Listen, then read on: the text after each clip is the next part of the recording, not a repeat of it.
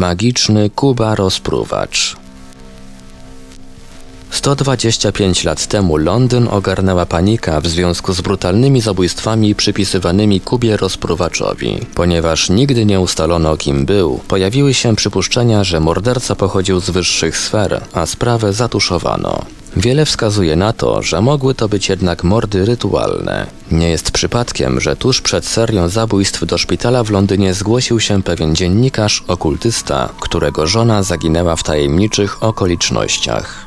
Jak się potem okazało, o motywach mordercy wiedział on zaskakująco dużo.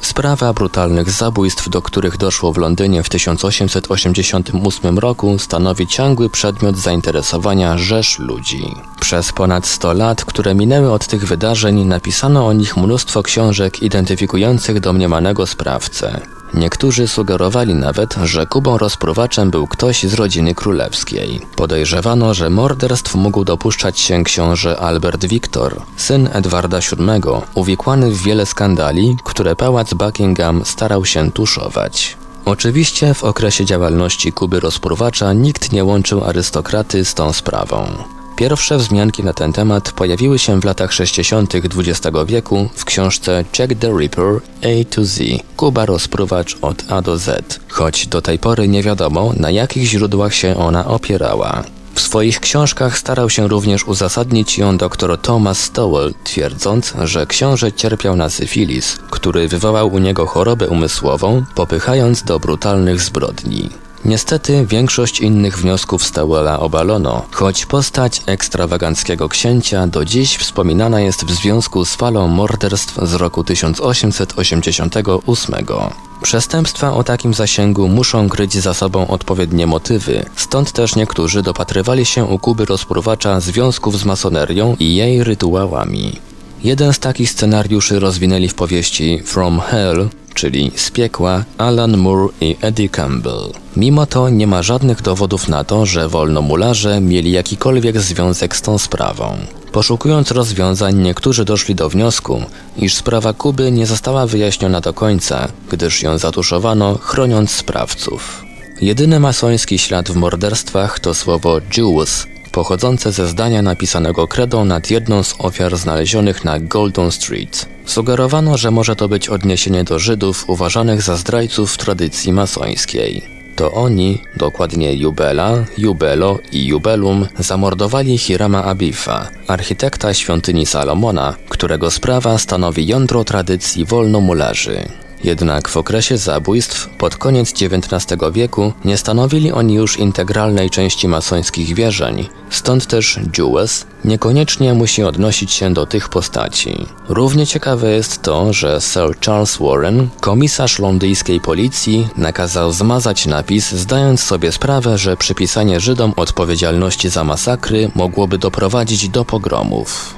Całe, nieco koślawe zdanie brzmiało: Żydzi nie są ludźmi, którzy będą oskarżani o nic. Niektórzy uważają je za dowód, kod w sprawie Kuby rozpruwacza, choć w rzeczywistości nie wiadomo, czy to on je pozostawił. Możliwe, że ujawnił przez nie swoją tożsamość, ale równie dobrze mógł próbować zrzucić winę na żydowską społeczność. Pisarz Martin Fidow twierdzi, że zdanie napisane było londyńską gwarą. W literackim angielskim brzmiałoby Żydzi nie wezmą za nic odpowiedzialności. W rzeczywistości nie wiadomo, czy napis miał coś wspólnego z zabójstwem, tym bardziej, że niczego podobnego nie znaleziono przy innych ofiarach. Możliwe, że było to po prostu graffiti pozostawione w tym miejscu jakiś czas przed zabójstwem. Kuba Rozpruwacz jest bez wątpienia najbardziej tajemniczym seryjnym zabójcą. Definicja tegoż mówi, że we wszystkich tego typu zbrodniach pojawia się wspólny ślad. Co ciekawe, w liście zatytułowanym Z piekła, wysłanym 15 października przez mordercę do George'a Luska, przewodniczącego Straży Miejskiej w Whitechapel, dzielnicy, gdzie dochodziło do zabójstw, znajdował się załącznik. Połowa nerki. Kuba pisał, iż usmażył i zjadł drugą część. Nie był to jego jedyny list do policji i gazet. Morderca zyskał swój pseudonim dzięki napisowi, który zostawił na kartce wysłanej do Central News Agency, choć nie wiadomo, czy rzeczywiście nadawcą był on, czy któryś z dziennikarzy, który chciał w ten sposób zwiększyć sprzedaż gazet w związku z narastającą w Londynie Rippermanią. Nie wiadomo jak wiele osób zamordował w sumie Kuba rozpruwacz, choć przyznaje się, że było to pięć ofiar zabijanych w weekendy na przestrzeni trzech miesięcy. 3 sierpnia, 8 września, 30 września dwie ofiary i 9 listopada 1888 roku.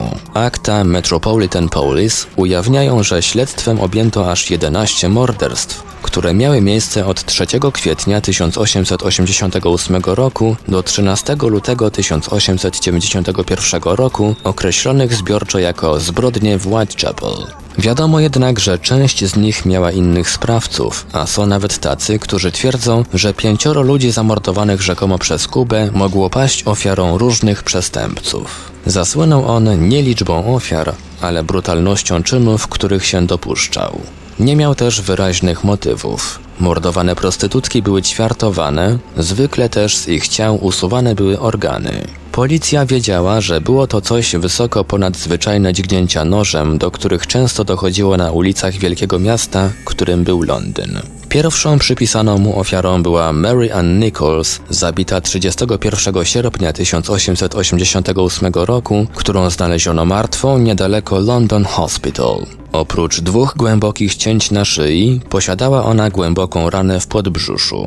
Drugą ofiarą była Annie Chapman, zabita 8 września, której morderca podciął gardło, rozciął brzuch i wyciął macicę. Elizabeth Stride została zamordowana 30 września poprzez podcięcie naczyń krwionośnych na szyi. Brak okaleczeń sprawiał, że niektórzy wykluczają ją z kręgu kanonicznych ofiar rozpruwacza. Jego pośpiech tłumaczyć mógł fakt, że zmierzał on by zabić Catherine Eddowes, której wyciął lewą nerkę i część macicy. Możliwe, że to do niej należał organ wysłany wraz z listem z piekła. Ostatnią z ofiar była Mary Jane Kelly, zabita 9 listopada we własnym domu, z której ciała zabójca wyciął serce. Choć pięć przypadków nosiło pewne podobieństwa, wywoływały one również pewne wątpliwości. Wszystkie kobiety zginęły podczas weekendu, późną nocą, jednak spraw nie dzielił określony interwał czasowy. Przykładowo, Kelly zginęła po sześciu tygodniach uśpienia Kuby i nie została, jak pozostałe ofiary, zabita w przestrzeni publicznej. Przez 100 lat nie udało się ustalić tożsamości mordercy. Większość prób jego zidentyfikowania prowadziła na manowce, wskutek czego pisarz Ivor Edwards uznał, że rozwiązanie zagadki może kryć się w magii rytualnej, przy czym klucz do niej zawierają lokalizację zbrodni. Edwards twierdził, że Kuba dokładnie je rozplanował. Po przeanalizowaniu miejsc, gdzie doszło do zbrodni, autor odkrył, że tworzyły one kształt krzyża, a po dodaniu piątego ciała, tak zwany symbol Vesica Piscis. Rozpropagowany przez Pitagorasa znak nazywany jest również rybim pęcherzem. Niektórzy uznają go również za symbol żeńskich narządów rodnych, co może tłumaczyć, dlaczego rozpruwacz wybrał za ofiary właśnie prostytutki. Z kolei ryba, podobnie jak krzyż, jest ważnym chrześcijańskim symbolem, ponieważ oba motywy powtarzają się w sprawie morderstw z 1888 roku, możliwe, że istnieje w nich jakiś wątek chrześcijański. Ale jeśli przyjrzymy się kultowi Ozyrysa, wielkiego sędziego zmarłych z mitologii egipskiej, odkryjemy, że został on zabity, poćwiartowany, a jego członek wrzucony do wody, gdzie zjadły go ryby.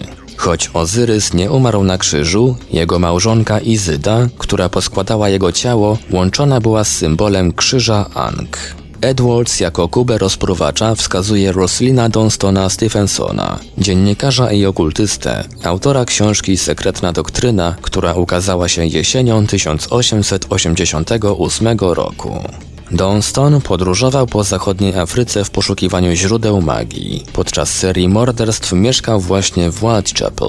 Jak wcześniej przyznał, podczas zagranicznych wojaży zabił dwoje ludzi. Był zatem we właściwym miejscu, we właściwym czasie, a ponadto mógł mieć motyw. Edwards odkrył dowody na to, że Donston mógł również zamordować swoją żonę, a także popełnić inną zbrodnię w Brighton.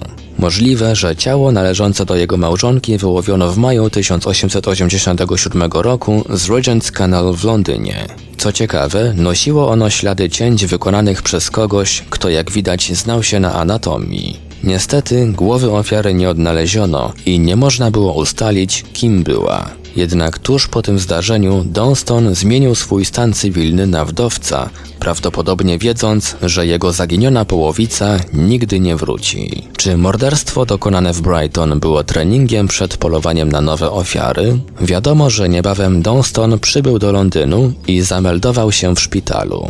Nikt nie wiedział, dlaczego przybył do zatłoczonej i przeludnionej stolicy, skoro czuł się źle, choć prawdopodobnie zauważył, iż jako prywatny pacjent szpitala pozostanie niezauważony, a ponadto może opuszczać budynek, kiedy zechce. W rzeczywistości mógł zatem traktować szpital jako hotel, gdzie nikt nie przejmował się tym, co robi. Policjanci zajmujący się sprawą Kuby twierdzili, że sprawca może kręcić się koło miejsc zbrodni. Sam Donston również interesował się tym przypadkiem i nawet o nim pisał. Oczywiście temat morderstw pozostawał przedmiotem publicznego zainteresowania, przy czym on, jako okultystyczny pisarz, rzadko zajmował się tematami dnia codziennego. W rzeczywistości traktowano go jako jednego z wielu podejrzanych i dwukrotnie przesłuchiwano.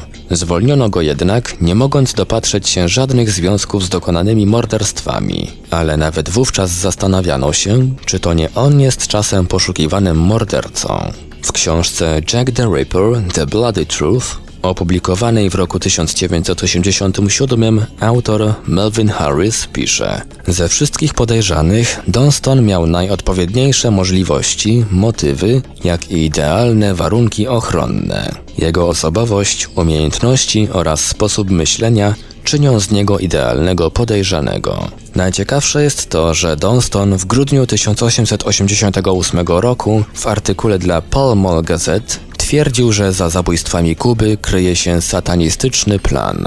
Jak pisał, ciała miały być rozłożone tak, by tworzyć krzyż. Edwards zauważył, że była to prawda, podkreślając, że okultysta miał dziwnie dobry wgląd w umysł mordercy. Co więcej, Donston odnotował, że nie będzie już więcej morderstw. Czy to nie za dużo przypadków? Edwards wierzył, że dziennikarz zabijał prostytutki, gdyż winił je za chorobę, przez którą wyrzucono go z pracy. Warto też odnotować, że córy Koryntu pełniły ważną rolę w wielu starożytnych tradycjach, oddając się m.in. prostytucji sakralnej. W Biblii nierządnica babilońska przedstawiana jest jako symbol zła, przez co można dojść do wniosku, że wybór kobiet uprawiających nierząd mógł mieć nie tylko osobiste znaczenie dla mordercy, ale wiązał się też z pewną symboliką. Oczywiście wątek Donstona posiada pewne niedoskonałości, które występowały również w przypadku masońskich czy królewskich śladów w sprawie Kuby rozpruwacza. Nie da się udowodnić jego winy, ale nie można go też uniewinnić. Podobnie nie można ustalić, co się działo w głowie mordercy, jeśli Miał on jedną głowę. Jeśli rzeczywiście w rozkładzie morderstw przewija się geometryczny wątek, wydaje się, że jeden człowiek może być odpowiedzialny za wszystkie pięć kanonicznych morderstw. Wynika z tego, że musiał kierować nim określony motyw, a rozwiązanie religijno-rytualne wydaje się w tym przypadku najbardziej logicznym rozwiązaniem. Autor Philip Coppens philipcoppens.com Opublikowano pośmiertnie za zgodą autora. Tłumaczenie i opracowanie Portal Infra. www.infra.org.pl Czytał Ivelios